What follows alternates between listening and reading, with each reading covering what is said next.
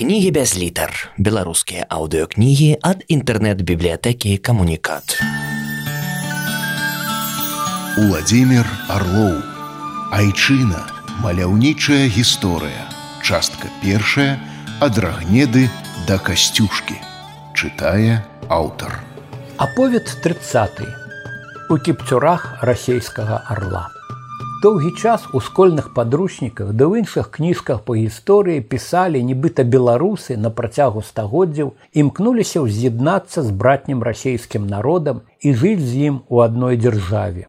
Гэта неправда беларусы паважалі суседні народ дапамагалі тым хто перасяляўся з масковіі ў вялікае княства літоўскае але жыць пад уладаю расійскіх цароў нашыя продкі ніколі не хацелі Яны вельмі добра памяталі, як забіваў палачанаў, як гнаў іх у няволю цар Іван жахлівы. Памяталі, як праз сто гадоў пасля гэта расійскія воеводы загадалі перарэзаць усіх жыхароў беларускага горада Амсціслава. Народ не мог забыць, як царскія захопнікі ў розныя стагоддзі рабывалі і выпальвалі нашу зямлю, як прадавалі палонных у рабства туркам і персам. Назаўсёды у памяці беларусаў засталося і тое, што салдаты цара Петра I узарвалі галоўны храм нашай зямлі полацкі Сафійскі сабор.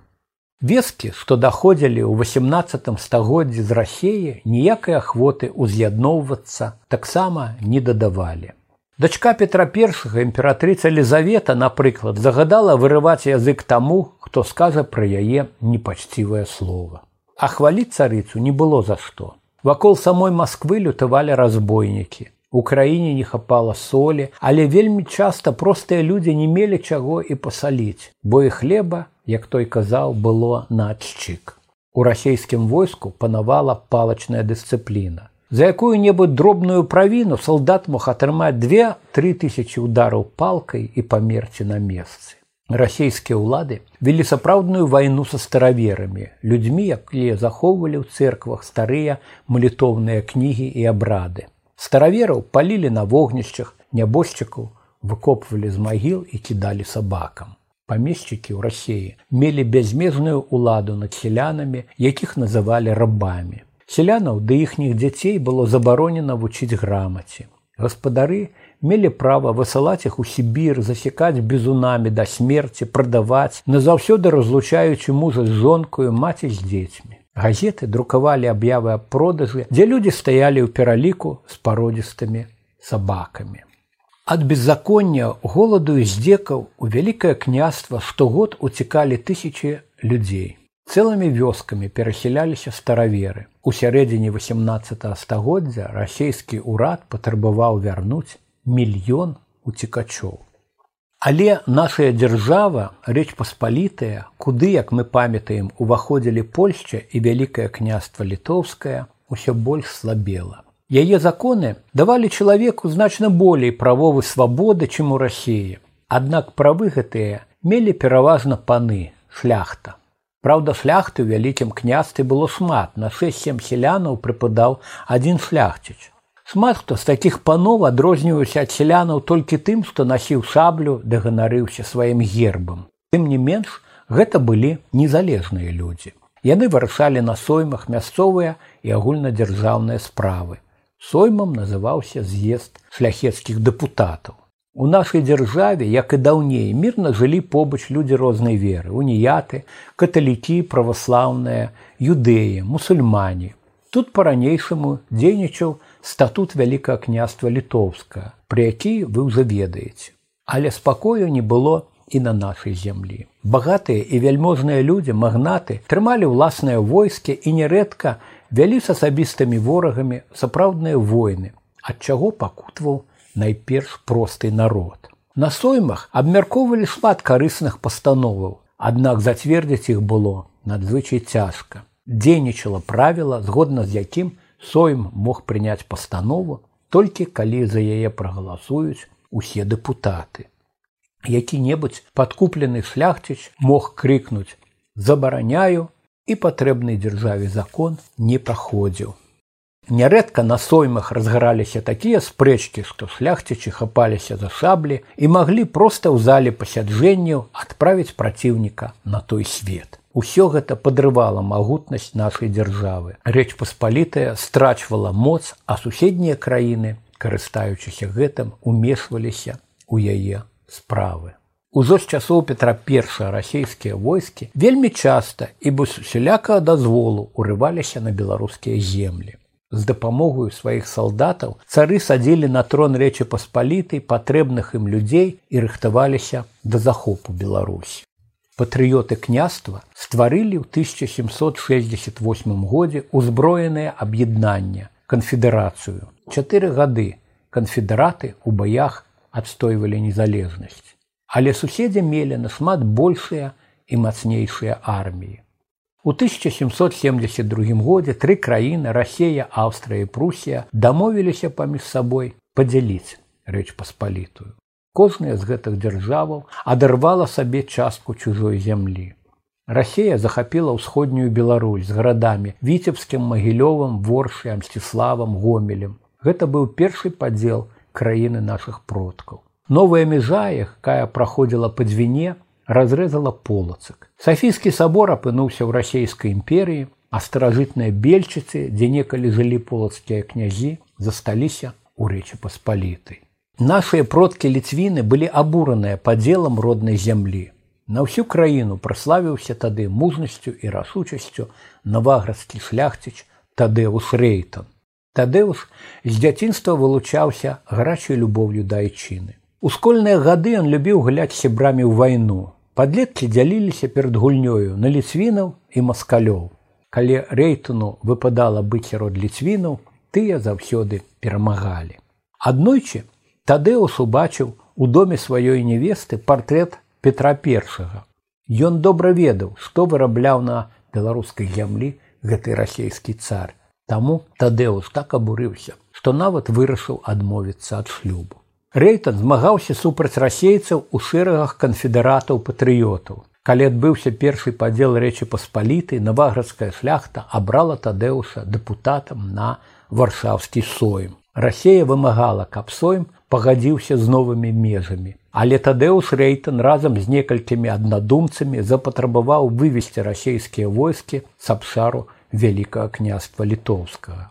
Наваградскага дэпутата спрабавалі падкупіць, прапаноўваюць яму велізарныя на той час грошы 2000 дукатаў. У адказ Тадэус выхапіў шаблю. Калі дэпутаты здраднікі пачалі пакідаць залу соймавых пасяджэнняў, ён лёг крыжам перад дзвярыма і крыкнуў: забіце мяне, але не забівайце айчыны. Неверагоднае напружанне тых дзён прывяло рэйтана да цяжкой хваробы. Усе наступныя гады жыцця ён мусіў бавіць у родавым маёнку грушаўка паблізу ляхавічу. Цяпер там сто год ладзіцца фэст памяці патрыёта. Сучаснікі лічылі тадэуса нацыянальным героем. памяць пра яго жывая і сёння. Гэты мужны чалавек пакінуў нам прыклад таго, як трэба змагацца за незалежнасць у самых безнадзейных абставінах. Рэйтан не меў шансаў на перамогу, але ведаў, што ў справядлівай справы абавязкова знойдуцца прадаўжальнікі. Патрыёты вялікага княства літоўска і Польшчы спрабавалі выратаваць дзяржаву ад пагібелі. Тут было створанае першае ў свеце міністэрства народнай асветы, адукацыйная камісія, што адчыняла школы і навучальні. 3 траўня 1791 года сойм зацвердзіў першую ў Еўропе і другую ў свеце пасля злучаных штатаў Амерыкі канстытуцыю, асноўны закон краіны. Канстытуцыя забараняла магнацкія ўсобіцы і наводзіла ў краіне парадак. Абвяшчаліся свабода друку і сумлення, незалежнасць судоў. Урад павінен быў служыць не аднаму шляхецкаму стану, а ўсім жыхарам дзяржавы. Канстытуцыя 1791 года адкрывала шлях для дэмакратычных зменаў. Слова дэмакратыя ў перакладзе з грэцкай мовы азначае улада народа. Закон цяпер сапраўды даваў простым людзям значна больш правоў. Гэта павінна было ўмацаваць дзяржаву, але час быў страчаны.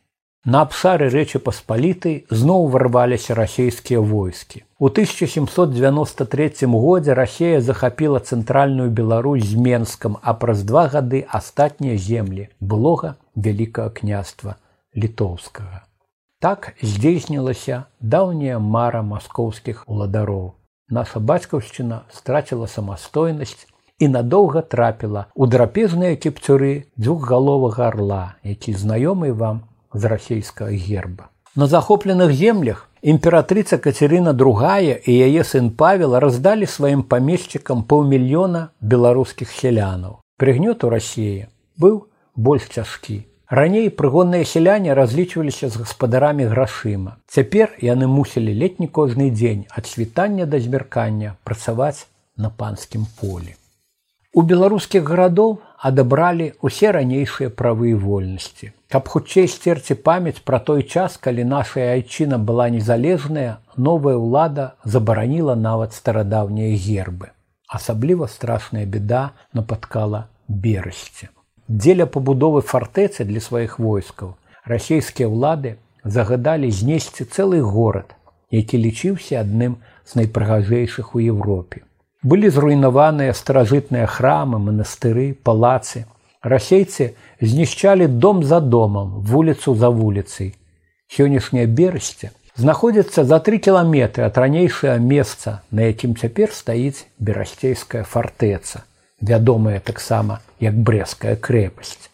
Падаткі на беларускіх землях былі ў пяць разоў цяжэйшыя, чым на расійскіх. Маладых здаровых мужчынаў пад прымусам забіралі ў царскую армію. Родныя развітваліся з імі так, быццам праводзілі на той свет, бо салдаты павінны былі служыць у войску ўсё жыццё. Потым гэты тэрмін зменшылі да 25 гадоў, але пасля такой доўгай службы ўсё роўна амаль ніхто не вяртаўся дадому жывым. Царскія ўлады не прызнавалі беларусаў за народ і ўсяляк уціскалі нашу мову. Вучыцца на ёй было забаронена. Людзей пазбаўлялі нават права на свае імёны. Адразу пасля захопу ўсходніх беларускіх земляў царскія пісарчукі перарабілі мехасёў у михаілаў, язэпаў у іосифаў, янаў у іванов, Жукі ператварыліся ў жукавах, кавалі у кавалёвых. Новыя гаспадары учынілі з паняволенага народа яшчэ адзін здзек. Большасць беларусаў былі тады вуніятамі, якія добра ведалі, што яны не расейцы і не палякі. Каб хутчэй ператварыць беларусаў у расейцаў, царская ўлада забараніла народную вуніяцкую веру, якая была апірышчым беларускай мовы. Тых, хто не хацеў ісці да прысланых з рассеі папоў, усяляк каралі і часам збівалі да смерці. У адной з тагачасных газет расійскі пісьменнік Александр Герцн расказаў пра выпадак, калі хлопчыку уніяту, які адмаўляўся прыняць чужую веру, паліцыянты далі 200 бізуноў. Адмысловым указам цар загадаў у ва ўсіх дзяржаўных дакументах называць нашу бацькаўшчыну северо-западным краем расійскія ўлады хацелі, каб беларусы забылі пра былую незалежнасць, каб не было нават наймення гэтай зямлі. Але ліцвіны беларусы не змірыліся з чужынскім панаваннем. На працягу непоўных 100 гадоў пасля захопу Беларусі нашы вальналюбныя продкі тройчы браліся за зброю, каб вырвацца са смяротных абдымкаў царскай імперіі. Першым у гэтай барацьбе было паўстання Тадэуса касцюшкі.